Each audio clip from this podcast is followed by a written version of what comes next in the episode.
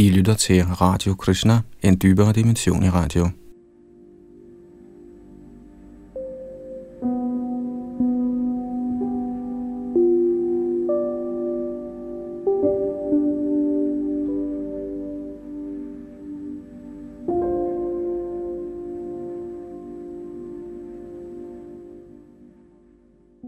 Vi fortsætter vores gennemgang af Srimad Bhagavatam, den smukke fortælling om Guddoms højeste person og hans hengivne. Vi er i gang med 11. bog, og det her det er kapitel 5, som hedder Narada afslutter sin undervisning til Vasudev. Og her er vi inde i en samtale mellem Narada Muni og Vasudev, som er Krishnas far. Og i den samtale er vi så igen inde i en anden urgammel samtale mellem kong Nimi og de ni Yogendra, og der er ni store vismænd, som øh, oprindeligt er sønner af kong Rishabdev, der viste sig i Bhagavatams femte bog. Her er det specifikt Chamasamuni, der taler på foranledning af kongens spørgsmål om, hvad der sker med de mennesker, der ikke tilbeder guddommens højeste person. Hvad er deres bestemmelsessted? Det er Yadunandandas bag mikrofon og teknik.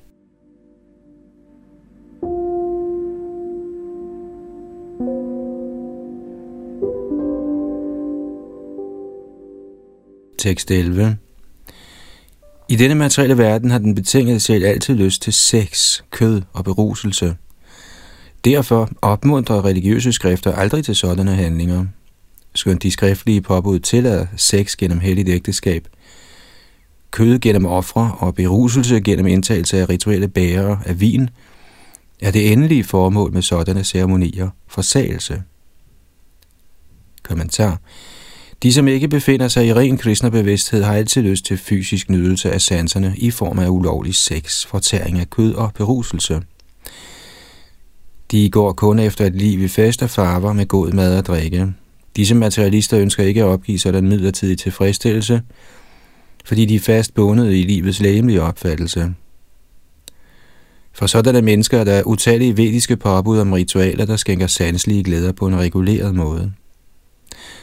Den betingede sjæl bliver derved vendet til indirekte at tilbede den højeste herre gennem at acceptere askesen ved reguleret sansenydelse i lydighed mod den vediske livsform. Gennem renselse udvikler det levende væsen gradvist en højere smag og bliver direkte tiltrukket af herrens åndelige natur.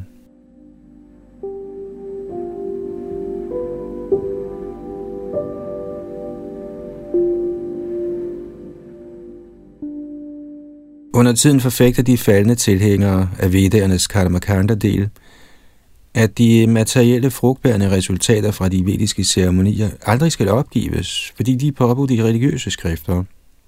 For eksempel er der et vedisk påbud om, at en ægte mand på den behørige årstid skal nærme sig sin hustru om natten, mindst fem dage efter hendes menstruationsperiode, så fremt hustruen har badet og vasket sig forsvarligt. Således skal en ansvarlig husholder indlade sig på religiøst sexliv. Påbud om, at man må nærme sig sin hustru med henblik på sex, bliver forklaret af Vaishnavacharyaerne som følger. I den fysiske verden er næsten alle mænd meget løsne og ønsker lidenskabelig sex med enhver smuk kvinde, de møder, eller så gar med alle kvinder. For en almindelig materialistisk mand er det faktisk en bedrift, hvis han er i stand til at indskrænke sig til kun at komme sammen med sin lovligt hvide hustru. Men da man ringer agter det velkendte, er det almindeligt for manden at blive misundelig eller vred på hustruen og begære ulovlige forbindelser med andre kvinder. En sådan mentalitet er yderst syndig og afskyelig, og de vediske skrifter befaler derfor, at man må omgå sin rigtige hustru med et ønske om børn og således reducere tilbøjeligheden til ulovlige sexforbindelser var der intet sådan vedisk påbud om, at man må nærme sig sin hustru, ville mange mænd naturligt være tilbøjelige til at forsømme deres hustruer og besudle andre kvinder i ulovlige forbindelser. I midlertid gælder sådanne forskrifter, der er møntet på betingede sjæle, ikke for store sjæle, der er forankret på den åndelige platform og er transcendentale til sexlyst. Som udtalt i dette vers, Nivritirishta, det egentlige formål med de vediske skrifter er at bringe en hjem til guddommen, tilbage til den åndelige verden. Herren Krishna udtaler klart i Bhagavad Gita, Yang Yang Va Vismaran Bhavang Tajajante Kalevam Bhagavad Gita 8.6. Det vi tænker på ved døden, vil bestemme vores næste krop. Antakale chamameva smaran muktva kalevaram yaprayati samadbhavang yadinastyatra sangshaya. Bhagavad Gita 8.5 Husker man Krishna, overflyttes man straks til Krishnas evige planet. Så fordi alle vediske skrifter er beregnet på, at man skal kende Krishna, Vidaishta Sarvaita Hameva Vidyaha, Bhagavad Gita 15.15, 15, kan vedernes endelige formål ikke være nogen art fordybelse i de fysiske sanser, lovlig eller ej. De vediske reguleringer angående sex i ægteskabet er i virkeligheden tiltænkt at modvirke syndig, utilladt sex. I midlertid må man ikke tåbeligt slutte, at den vellystige tiltrækning til hustruens nøgne krop er fuldendelsen af selverkendelse og vedisk forfremmelse. Det åndelige livs virkelige fuldendelse er at komme fri for alle materielle ønsker, navritti og fæstne sindet på Krishna.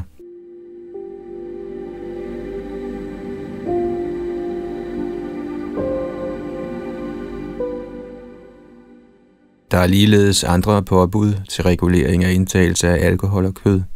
De, som er ivrige efter kød, instrueres til at udføre vediske ceremonier, ved hvilket de tillades indtage fem slags dyr med fem klør, nemlig næsehornet, skildpadden, haren, vildsvinet og firbenet.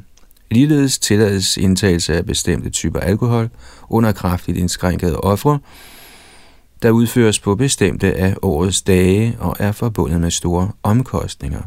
På den måde er andre typer af drikfældighed og grusom slagning af dyr forbudt.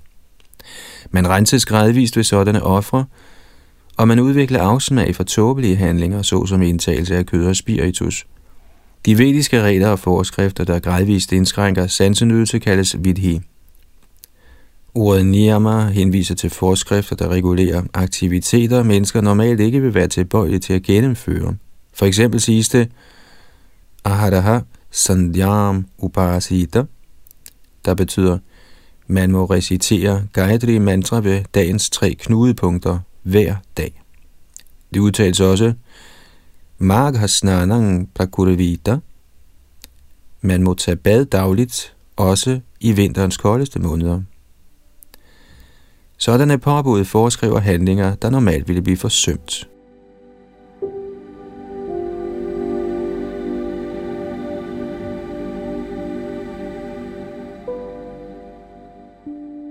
Skønt det blev nævnt oven, at der er forskrifter imod at forsømme sin ægtefælde, er der ingen forskrift imod helt at afstå fra indtagelse af kød. Med andre ord betragtes drab på dyr som højst afskyldigt, og skønt nogen indrømmelse gives den voldeligere klasse af mænd, bør man egentlig helt afstå fra denne grusomhed, fordi selv den mindste uoverensstemmelse i dyreoffrene vil ødelægge ens liv. Det skal forstås, at de, som er blevet åndeligt avanceret ved at recitere Hare Krishna mantra, under Shri Chaitanya Mahaprabhus retningslinjer forventes helt at opgive fysisk sansenydelse. Hvis en kristner hengiven på uoprigtig vis forsøger at udnytte skrifternes tilladelser til kød, beruselse og sex, begår han den tiende forseelse mod recitationen af det hellige navn. Især hvis man har trådt ind i forsagelsens orden, kaldet Ridandi Sanyas, er det højst afskyeligt og forkasteligt at blive tiltrukket af de vediske påbud om sex for husholdere. Ifølge Srila Jiva Goswami er der ingen sådan tilladelse for en person i forsagelsens orden. Vaishnav Sanyasierne skal ikke på tåbelig vis lade sig forstyrre af udtalelser i den vediske litteratur, såsom dette vers fra Manu Sanghita.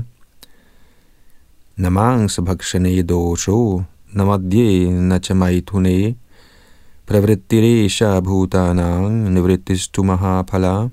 Citat. Det bør betænkes, at indtagelse af kød, beruselse og hengivelse til sex er naturlige tilbøjeligheder i de betingede sjæle, og derfor skal sådanne personer ikke fordømmes for disse aktiviteter.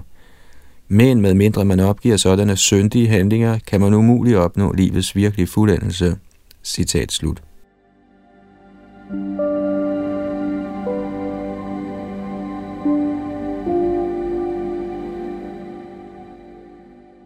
I Kriya Vidhana forklares det, at sex kun er tilladt under Varmadev-offret eller Garbhadhana Sanskaraen til afling af religiøse børn.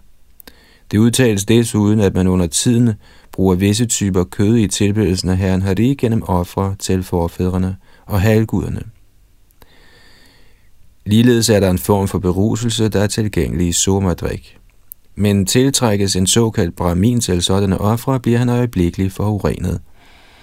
I virkeligheden ville de brahminer, der udførte disse ofre, ikke selv indtage nogen type alkohol eller kød.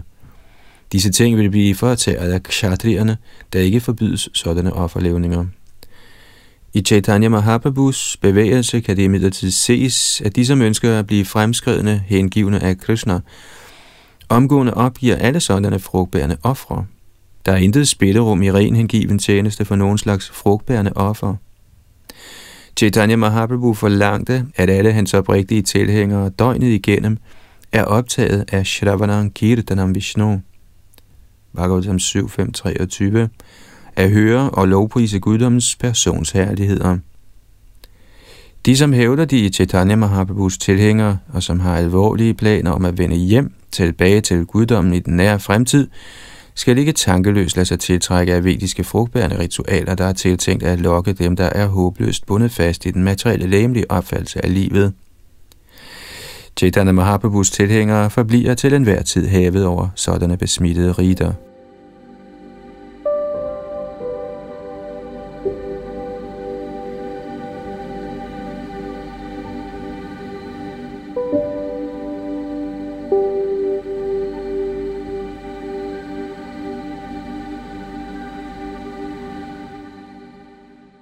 Tekst 12. Den eneste rigtige frugt af ophobet velstand er religiøsitet, på basis af hvilken man kan erhverve sig en filosofisk forståelse af livet, der endeligt modnes til direkte opfattelse af den absolute sandhed og dermed befrielse fra al elendighed. I midlertid bruger materialistiske mennesker deres velstand udelukkende til at fremme deres familiesituation. De er ude af stand til at se, at den uoverstigelige død snart vil udslette den skrøbelige fysiske krop – Kommentar. De ting, der kommer under kontrol af besidderen, kaldes dhanam eller velstand. Når et tåbeligt menneske henfalder til at bruge alle sine hårdt tænkte penge på at øge sin fysiske krops og families anseelse, kan han ikke længere se, hvordan døden lige så stille nærmer sig hans eget læme, såvel som hans familiemedlemmers og venners midlertidige læmer. Mrityu Sarvaharaschaham Bhagavad Gita 10.34. Den højeste herre viser sig som den almægtige død, der ødelægger enhver materiel situation. Faktisk skal man, selv i familielivet, bruge sin rigdom på sine egne og sin families åndelige fremskridt. I bevægelsen for Krishna-bevidsthed er der mange religiøse familiefædre, der lever et enkelt, fredfyldt liv og bruger deres velstand til at afholde Krishna-bevidste aktiviteter i hjemmet og til at hjælpe de forsagende brahmacharier og sannyasier, der aktivt forkynder Krishna bevidsthed på offentlige steder. Sådanne husholdere, selv de der ikke kan vige 100% af deres energi til Krishna bevidsthed, erhverver sig gradvist en ganske solid forståelse af livets åndelige principper og bliver i sidste ende til transcendentalister, der er fast forankret ved Krishnas lotusfødder. Således fritager de sig selv for alle det betingede livs bekymringer, nemlig fødsel, alderdom, sygdom og død.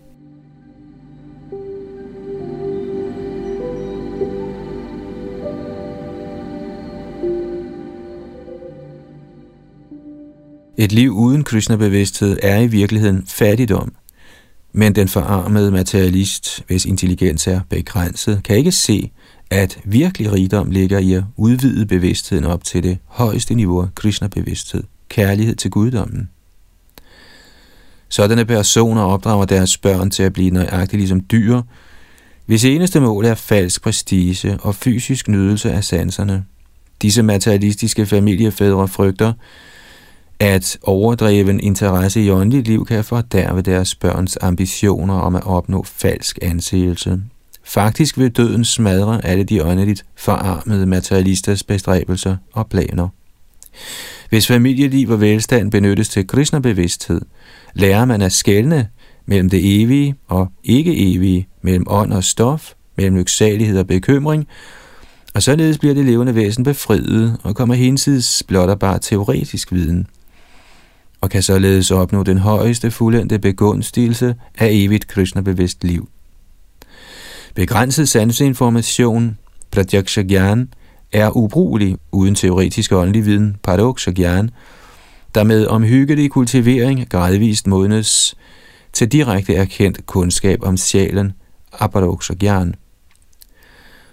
Ordet anuprashanti i dette vers peger på, at man gennem åndelig viden, vigyanam, opnår den mest sublime tilstand af evig fred og lyksalighed, langt hensides de materialistiske betingede sjæles drømme.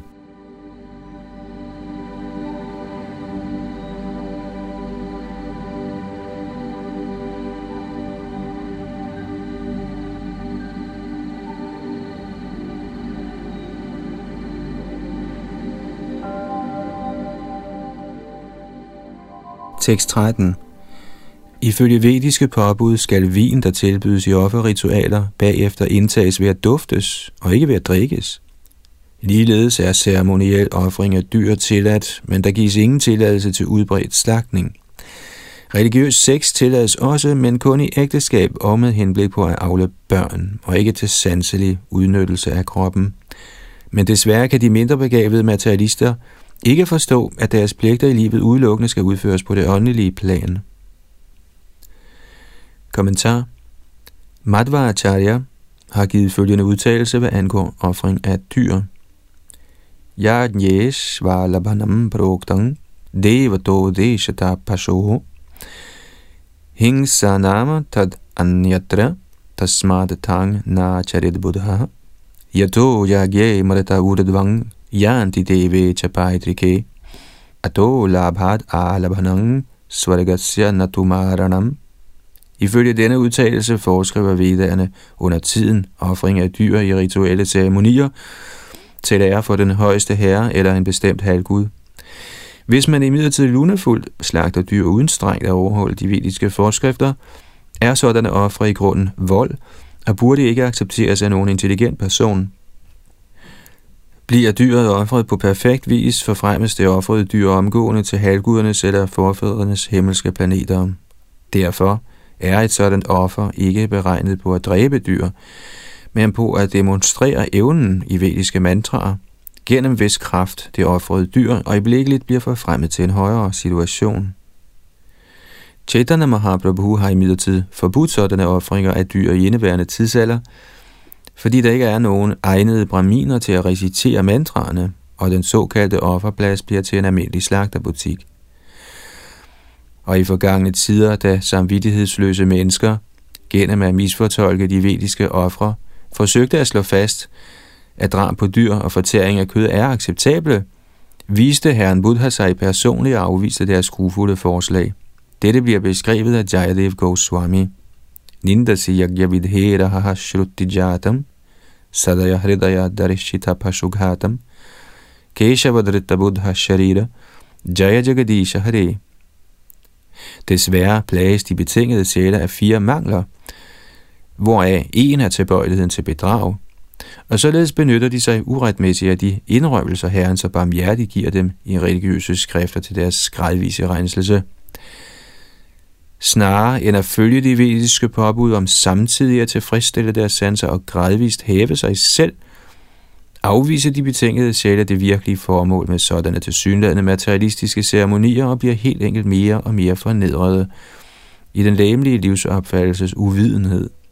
Således falder de helt ned fra Vardanashram-systemet, og som de genfødes i voldelige, ikke-vediske samfund, antager de tåbeligt de små fragmenter af universelle religiøse principper, der er fremherskende der, for at være sjælens eneste religion. Følgelig ender de i fanatisme og tilslutter sig sekteriske, dogmatiske opfattelser af religion. Sådanne uheldige mennesker er helt uden forbindelse med deres evige funktion i livet og opfatter tingene på en helt anden måde, end de i virkeligheden er.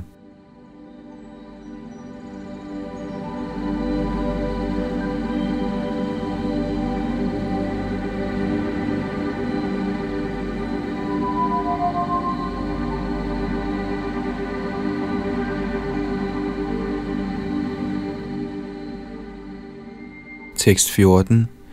Disse syndige personer, der er uvidende om rigtige religiøse principper, men alligevel opfatter sig selv som helt fromme, begår uden samvittighedsnag vold mod uskyldige dyr, der har fuldstændig tillid til dem. I deres næste liv vil sådanne syndige mennesker blive et af de samme skabninger, de har dræbt i denne verden. Kommentar i dette vers skal vi klart se de store uoverensstemmelser i dem, der ikke overgiver sig til guddommens højeste person og hans lov. Som udtalt i Bhagavatam, Harava Bhaktasya Kuto Mahadgunaha, de, som ikke anerkender den højeste herres overhøjhed, bliver gradvist hjemsøgt af de syndigste tilbøjeligheder, der efterfølgende bringer de ikke hengivne i frygtelig elendighed. I de vestlige lande, såsom USA, hævder mange mennesker stolt, at de er højst fromme og troende, og under tiden endda profeter eller Guds repræsentanter. I deres pralende religiøsitet erfarer disse mennesker ingen frygt eller tvivl, når de grusomt slagter uendelige mængder af dyr i slagterier, eller på jagtudflugter for deres lunefulde fornøjelses skyld.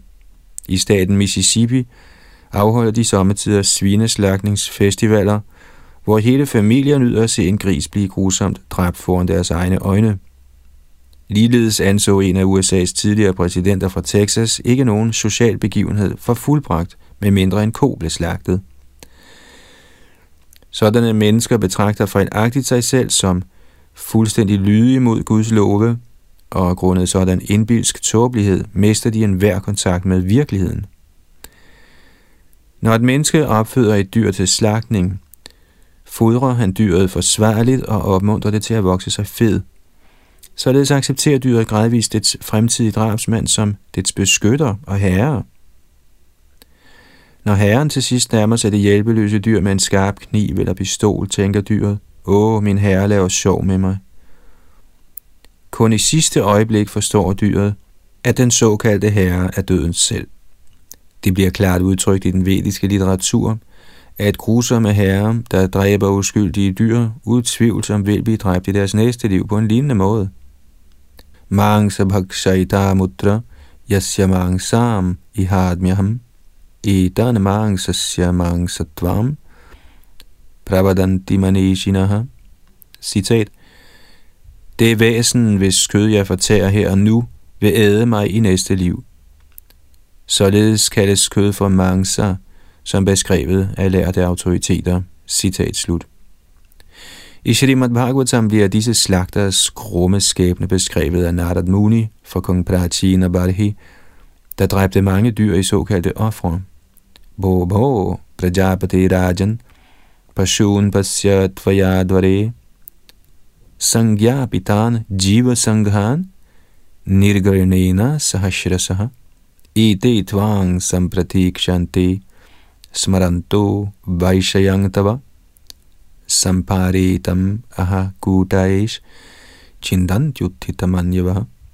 Sitat, O du borgernes hersker, kære konge, se venligst i himlen de dyr, du på offerpladsen har frembåret uden medlidenhed eller barmhjertighed. Alle disse dyr afventer din død, så de kan hævne de skader, du har påført dem. Efter du er død, vil de arigt gennembore din krop med horn af jern. Citat slut. Bhagavad 4.25, 7 og 8. Sådan straf mod slagterne af dyr finder sted under opsyn af Yamaraj på planeten for dødens herre. Med andre ord står den, som dræber dyr eller spiser kød, uværligt i gæld til det levende væsen, der har måttet ofre sin krop for at behage kødspiseren. Kødspiseren må indfri sin gæld ved at lade sin egen krop fortære i sit næste liv. Sådan tilbagebetaling af gæld hvor ens egen krop tilbydes som måltid, bliver bekræftet i vediske litteratur.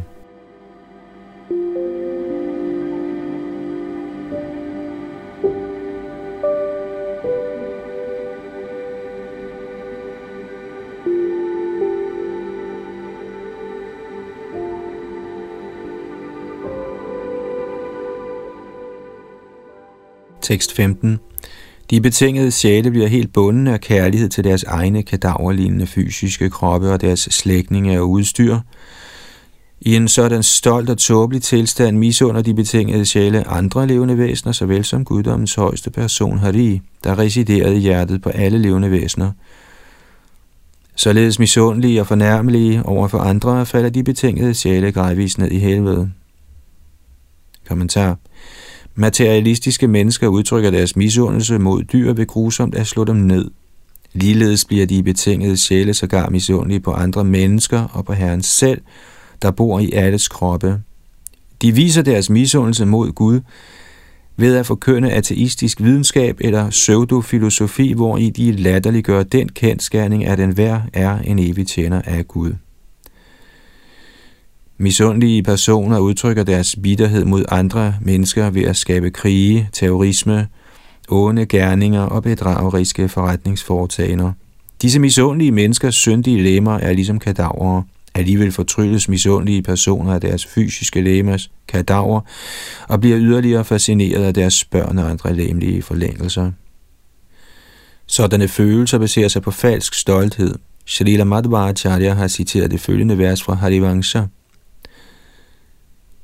Aptatvadatma shabdoktam svasminnapi परेषु च jivadanyad na pashyanti shrutvaivam vidvishanti cha etangstvam masuran vidhi lakshanai purushadhaman. Citat. Den højeste kaldes Atma, fordi han findes både i en selv og i andre.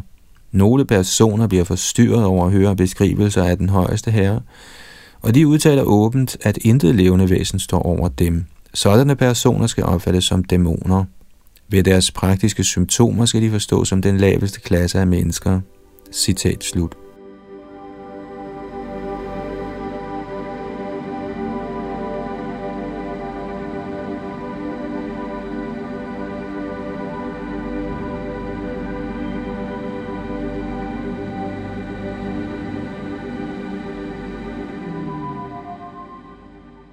Tekst 16.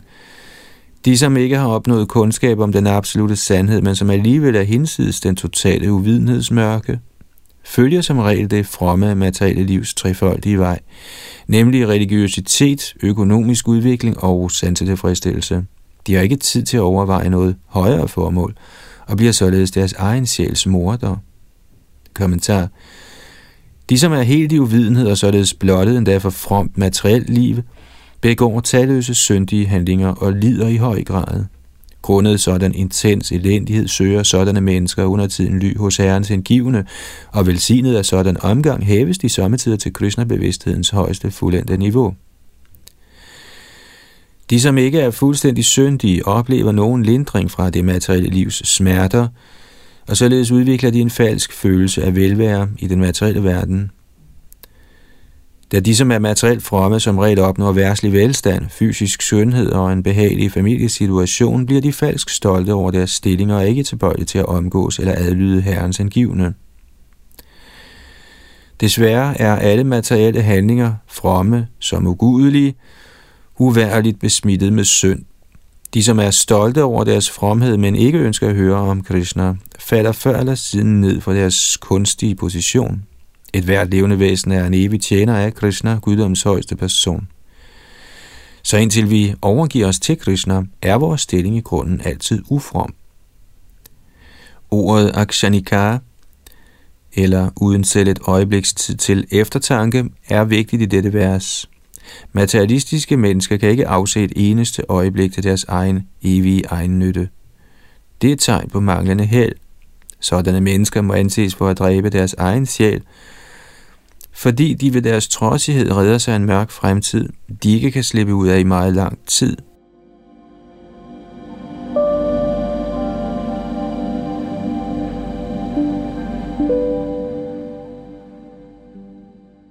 En syg mand under medicinsk behandling kan blive opmuntret af lægens indledende resultater, men bliver patienten falsk stolt over de første fremskridt i sin behandling og utidigt ser stort på lægens råd, i det han tror, han allerede er kureret, vil han helt sikkert få et tilbagefald. Ordene je kaivalyam asamprabda i dette vers peger klart på, at materiel fromhed ligger langt fra fuldendt kundskab om den absolute sandhed. Opgiver man sine åndelige fremskridt, før man har opnået Krishnas lotusfødder, falder man uden tvivl tilbage i den mest ubehagelige materielle tilstand. Skønt man måtte have erkendt den upersonlige Brahman-glans – som udtalt i Srimad Bhagavatam, Aruhya Krichrena Parang Tadang Pata Patantyadha, hentet fra 10. bogs andet kapitel, tekst 32.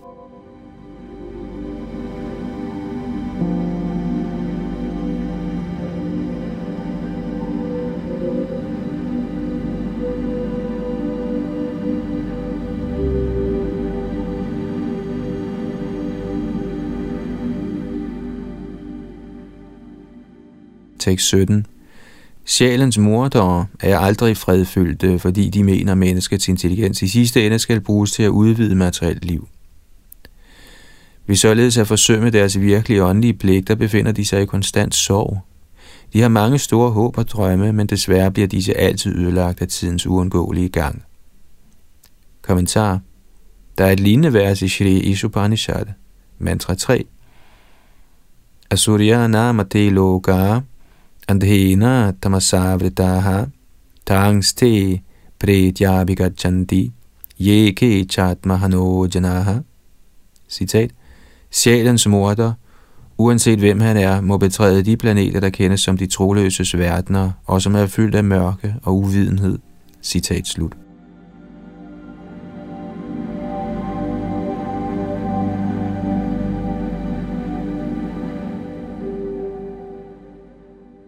Tekst 18.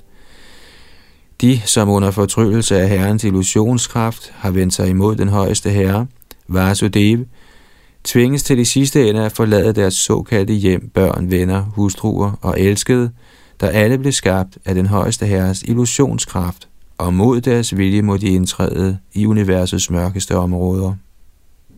Kommentar det levende væsen vender guddommens højeste person ryggen og forsøger i stedet at nyde midlertidig sansetilfredsstillelse.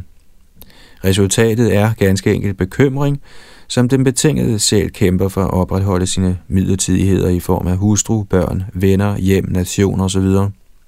Til sidst bliver alt dette fjernet, og sommetider forsøger den betingede sjæl i dyb frustration at søge ly i et eller andet upersonligt begreb om Gud og befrielse.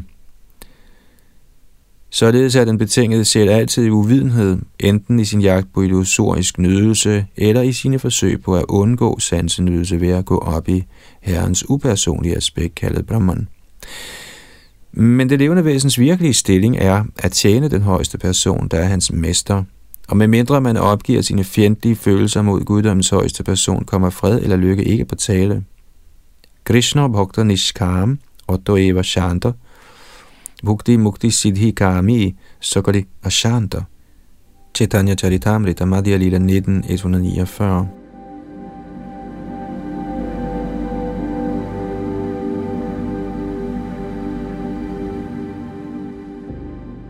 Tekst 19 Kong Nimi spurgte, i hvilke farver og skikkelser fremstår guddommens højeste person i hver af de forskellige tidsaldre, og med hvilke navne og typer af regulerende principper bliver Herren tilbedt i menneskesamfundet?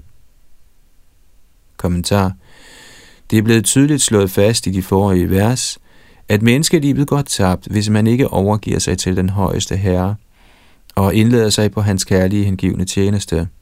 Derfor beder kongen nu vismændene om at give specifikke detaljer om tilbedelsen af herren, for denne hengivne metode er klart blevet beskrevet som den eneste praktiske måde til at udfri den betingede sjæl.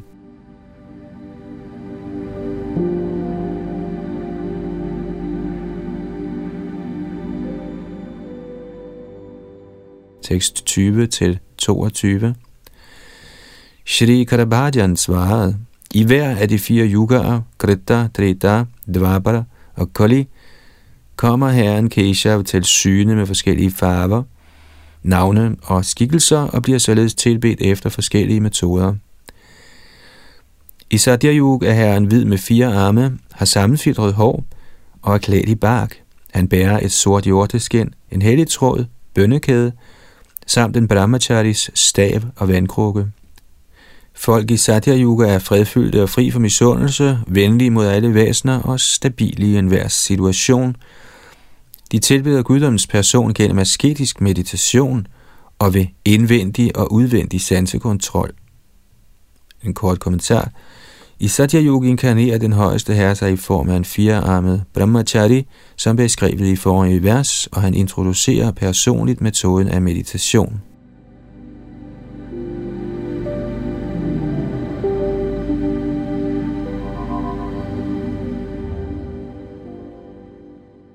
Tekst 23. I Satya Yug bliver Herren forhærliget med navnene Hans, Suparana, Vaikuntha, Dharma, Yogeshwar, Amala, Ishwar, Purush, Abhyakta og Paramatma.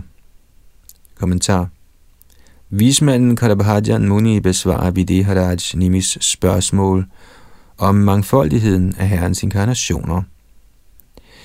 I Satya Yuga er herrens farve hvid, og han er klædt i bark og et sort jordeskin, ligesom en ideel mediterende brahmachari.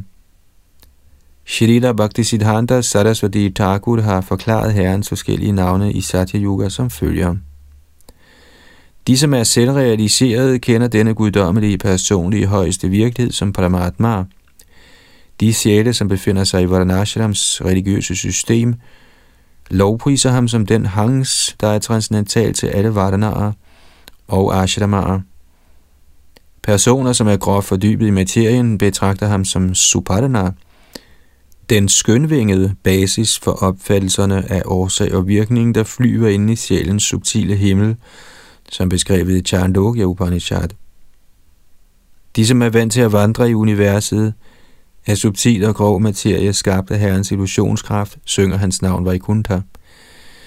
Mennesker, der mangler evnen til transcendental meditation, dharana, der således er tilbøjelige til at falde fra religionens vej, lovpriser ham som dharma eller religion i egen person. De, som tvinges til at underkaste sig naturens illusoriske kvaliteter, hvis sind er ubehersket og forstyrret, lovpriser ham som den i højeste grad selvbeherskede Yogeshwar. Personer, der er besudlet med en blanding af kvaliteterne, lidenskab og uvidenhed, kalder ham Amala, den ubesmittede.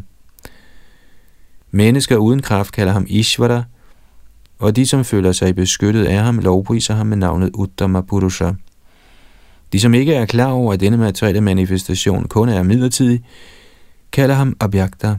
På den måde kommer herren Vasudev til syne i Satya Yogi forskellige firearmede transcendentale skikkelser, og diva-sjælene tilbeder ham hver med deres egen bestemte metode af hengiven tjeneste. Derfor har den højeste herre mange forskellige navne.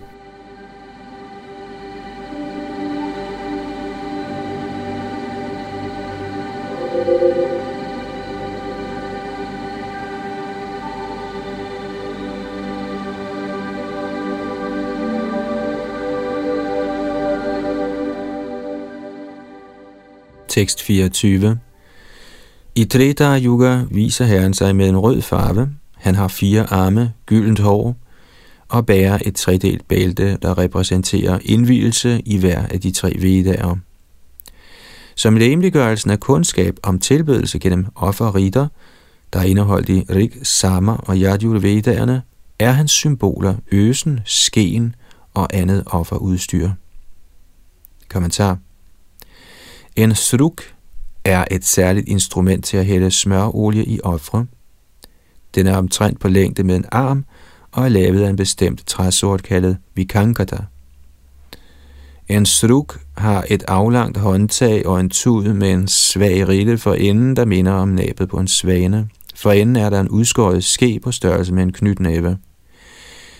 En struva er et andet redskab til brug i rituelle ofre. Den er lavet af Kardita-træ er mindre end en struk og bliver brugt til at hælde smørolie i strukken.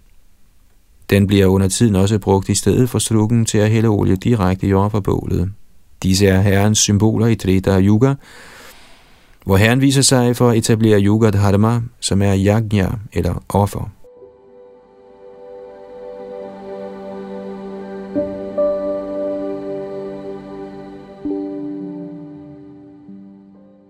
Tekst 25.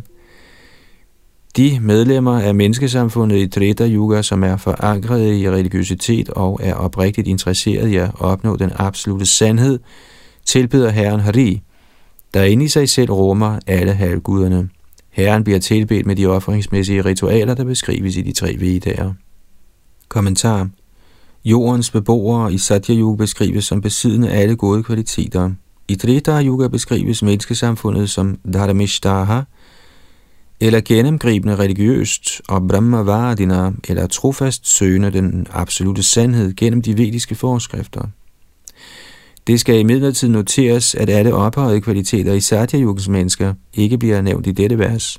Med andre ord er folk i Satya automatisk fuldendte, hvorimod folk i Trita Yuga er tilbøjelige til at blive fuldendte ved at udføre vediske ofre. I Treta Yuga er menneskesamfundet ikke automatisk Krishna-bevidst, som det var i Satya Yuga, men folk er stadig i høj grad tilbøjelige til at blive Krishna-bevidste, og således følger de strengt de vediske påbud.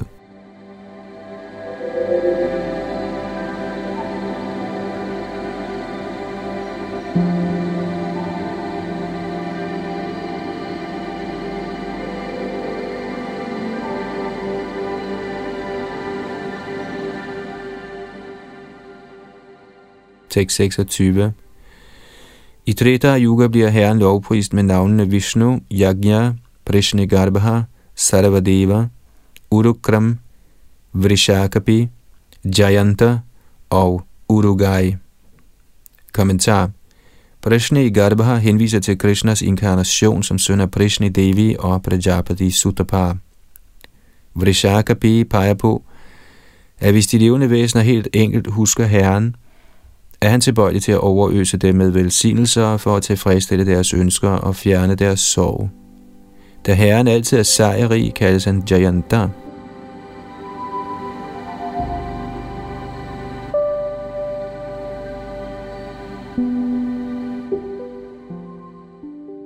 Tekst 27 I Dvapara Yuga viser guddommens højeste person sig med mørkeblå lød, iført gule klæder.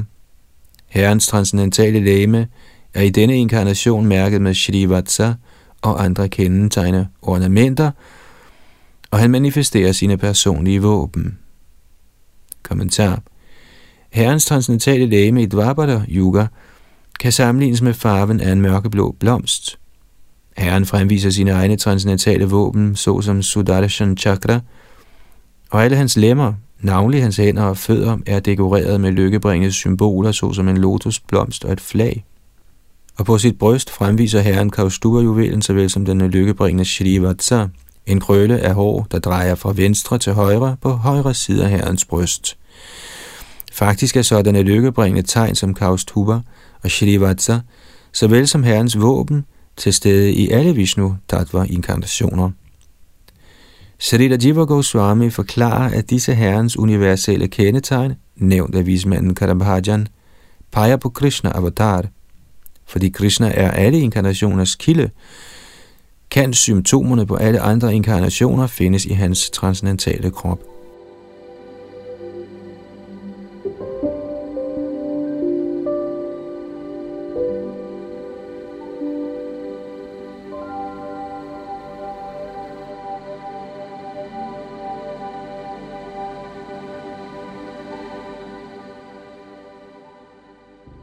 Tekst 28 Kære konge, mennesker i Dvapara der ønsker at kende guddoms højeste person, der er den højeste nyder, tilbeder ham i stemningen af at ære en stor konge ifølge forskrifterne i både Veda og Tantra.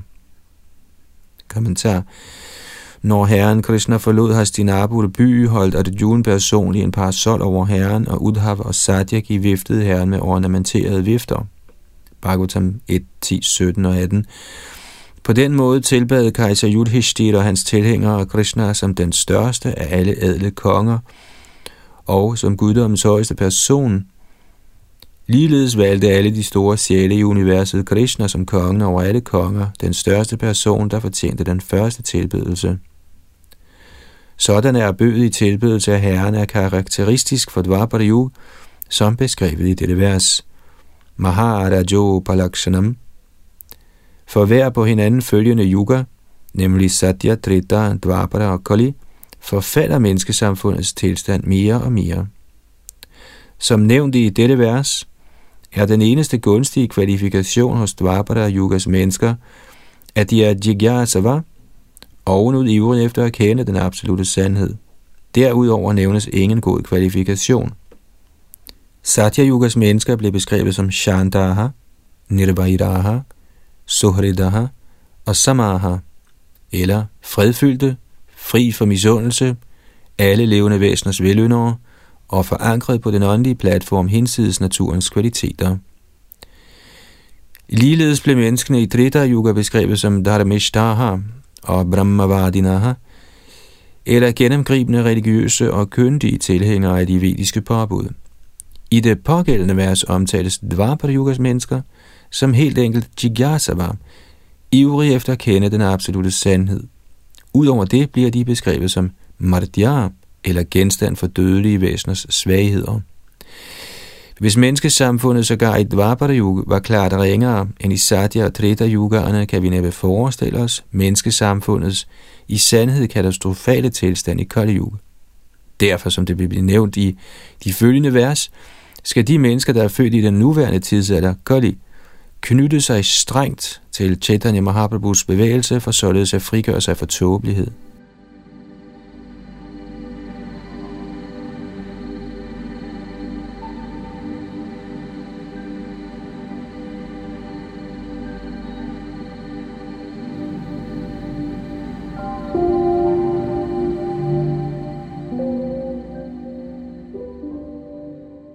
Tekst 29 og 30 Erbødighed til dig, o højeste herre Vasudev, og til dine former Sankarshan, Pradyumna og Aniruddha.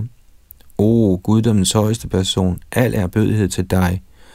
O herre Narayana Rishi, o skaber af universet, o alle skabte væseners oversæl, al hyldes til dig.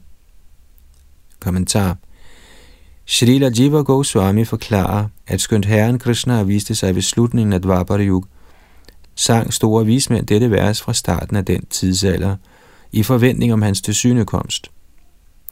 Almindelige levende væsener skønt for evigt underordnede herren blev optaget af et forsøg på at dominere den fysiske skabelse, men dog i sidste ende forblive under den højeste herres kontrol. Det levende væsens naturlige funktion er beskæftigelse i herrens tjeneste. Det er desuden den materielle naturs rigtige funktion at blive brugt af det levende væsen til at opfylde herrens transcendentale ønsker. Således bliver disse bønder, som nævnt i dette vers, opsendt til Herren ifølge Pancharatra og de vediske mantraer, sådan at man kan blive fast forankret i at huske, at man for evigt er underordnet den absolute sandhed.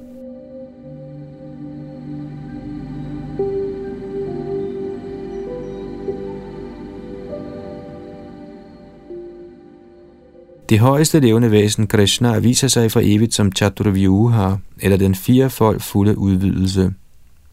Betydningen af denne bøn er, at man må opgive sit falske ego og bede til denne Chaturvyuha ved at udtrykke sin erbødighed for dem. Skønt den absolute sandhed er en uden lige, viser den absolute sandhed sine uendelige rigdomme og kræfter ved at udvide sig til utallige fuldstændige skikkelser, af hvilke Chaturvyuha er en hovedudvidelse. Det oprindelige væsen er Vasudev, guddommens person. Når guddommen viser sine oprindelige energier og overdådigheder, kaldes han Sankarshan. Pradyumna er basis for Vishnu-udvidelserne, der er hele universets sjæl, og Aniruddha er basis for Vishnus personlige manifestation som oversjæl for et hvert individuelt levende væsen i universet. Blandt de fire fuldstændige udvidelser omtalt her, er den oprindelige udvidelse Vasudev, og de øvrige tre regnes for hans særlige manifestationer.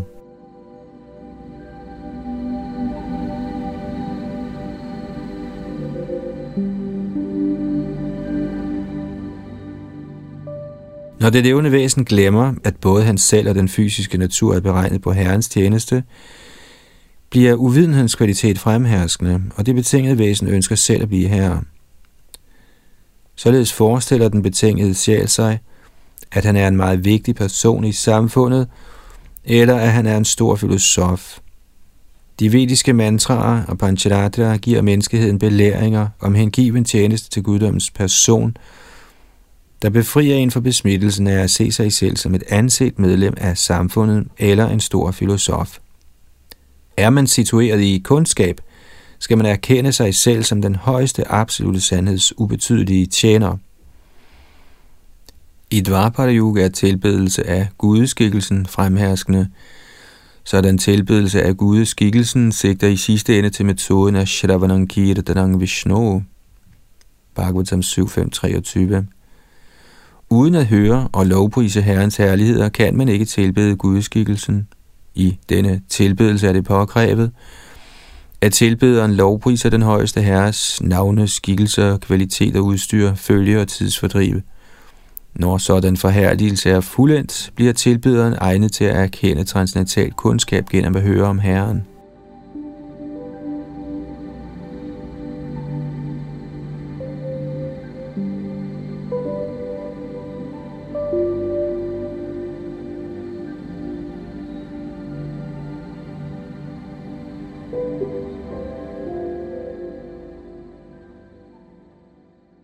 Tekst 31. O konge, på den måde lovpriste Dvapara Yugas mennesker universets herre. Også i Kali Yuga tilbeder folk guddoms højeste person ved at følge de åbenbarede skrifters forskellige regulativer. Hør nu fra mig om dette. Kommentar. Ordene Kalava Pi, også i Kali Yuga, er meget vigtige i dette vers. Det er velkendt, at Kali Yuga er en ugudelig tidsalder. Således er det overraskende, at den højeste herre bliver tilbedt i en så total irreligiøs periode. Derfor udtales det Kalavapi sågar i Kali Yuga. I Kali Yuga hævder guddommens persons inkarnation ikke direkte at være guddommens person. Han bliver snarere opdaget og kyndige hengivne i overensstemmelse med de åbenbare vediske skrifter.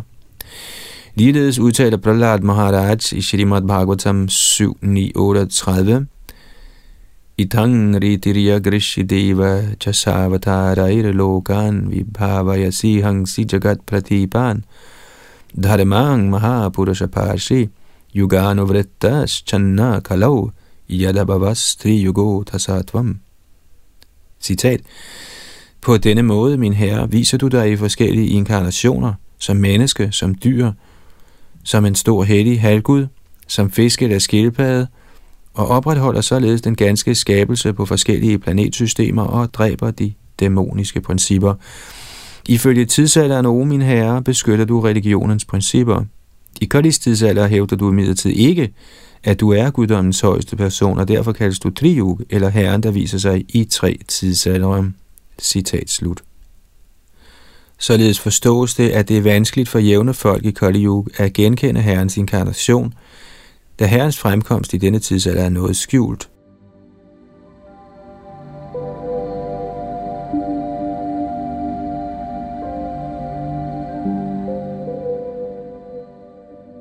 Ifølge Shalila Bhaktisiddhanta Saraswati Thakur peger ordet Nana Tantra Vidhanena på, at de Vaishnavskrifter, der er kendte som Pancharatra eller Satvata Pancharatra, er vigtige i Kali Yuga. Det udtales i Bhagavatam, Shri Shudra Dvidya Bandhunang Tvajina Shruti Gochara, Bhagavatam 1.4.25. I Kali Yuga er det umuligt for almindelige mennesker at gennemføre de meget tekniske vediske ofre eller den uudholdelige strenghed i yogasystemet. Sådanne vediske standardmetoder er praktisk talt utilgængelige for Kali Yugs åndeligt tilbagestående befolkning. Den simple metode, hvor man lovpriser guddommens person ved at synge hans hellige navne, er derfor afgørende i denne tidsalder. Sådanne hengivende metoder, som at synge Herrens hellige navne og tilbede hans gudeskikkelse, bliver udførligt beskrevet i de Vaishnava Shastra, der kaldes Pancharatraer. Der bliver i dette vers henvist til sådanne tantriske skrifter, og det udtales, at disse hengivende metoder, undervist af store acharyaer, såsom Narad Muni, er de eneste praktiske foranstaltninger til tilbedelse af Herren i Kali Yuga. Det bliver tydeligere forklaret i det følgende vers.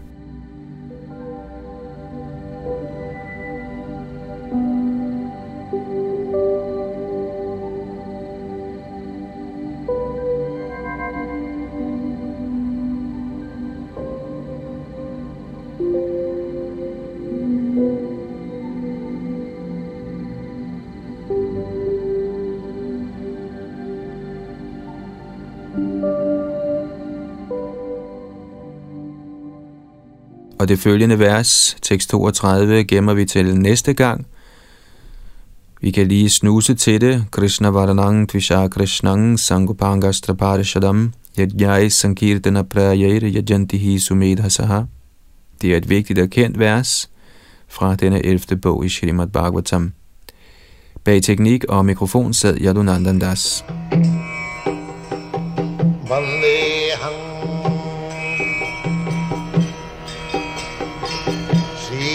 श्रीगुरु श्रीयुता पदकमलम् श्रीगुरुन्।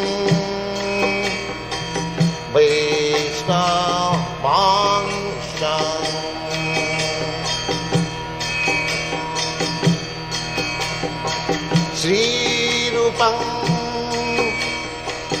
चाक्रजातम् सहगना रघुनाथान्वितम् त्वं सजीवम्।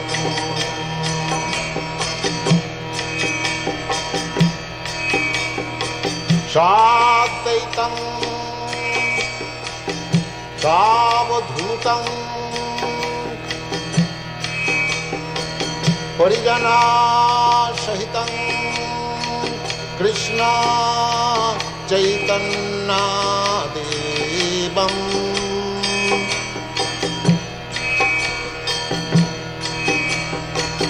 श्रीराधा कृष्णपदान् सागन ललिता श्रीविशाखान्वितांश्च श्रीकृष्णचैतन्ना प्रभो नित्यानन्ना श्रिया चैतगदाघा शिवा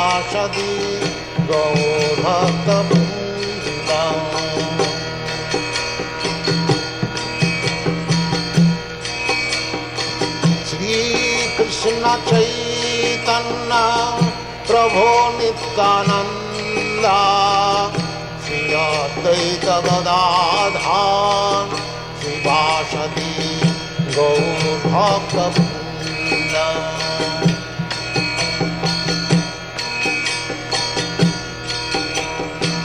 श्रीकृष्णचैतन्नं प्रभो नित्यानन्दा।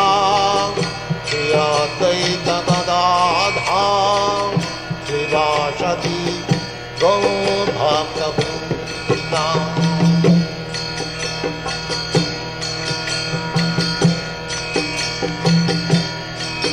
हरे कृष्ण हरे कृष्ण कृष्ण कृष्ण हरे हरि हरे